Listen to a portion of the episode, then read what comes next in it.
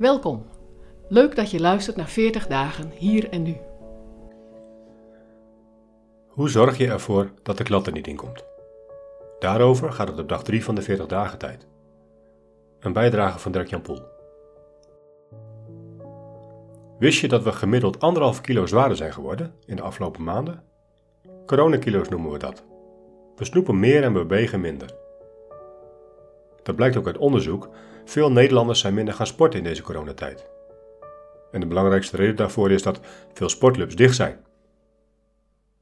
En naast de gezelligheid van het samen sporten, wordt ook het niet samen kunnen trainen en het vaste ritme dat een sportclub biedt door veel mensen gemist. En dus moeten we op zoek naar een nieuw ritme en nieuwe manieren die ons helpen om in beweging te komen. En juist dat is wat een app als Ommetje zo succesvol maakt. Deze app stimuleert je om in beweging te komen. Je kunt daarvoor een eigen wandelcompetitie starten met je vrienden, familie of collega's. Het idee is dat je elkaar zo motiveert om dagelijks een ommetje te maken. En de meeste van ons hebben baat bij dit soort vormen van ondersteuning. Een vast ritme, je dagelijkse ommetje, met een stukje motivatie van buiten. Je doet het niet alleen, maar samen met anderen.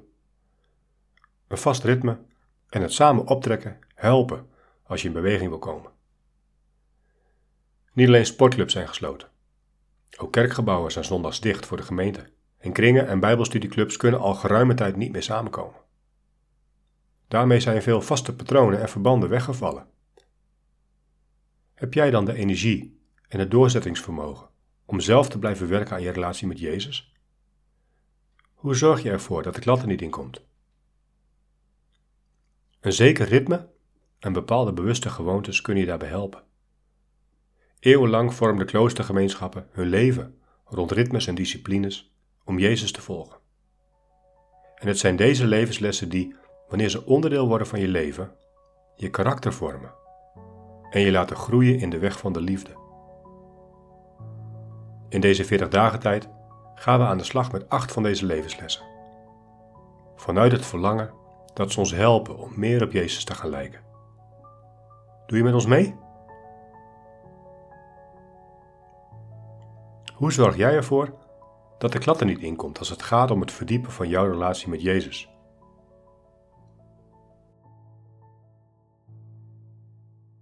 Wil je meer weten over deze podcastserie? Ga dan naar 40dagenhierennu.nl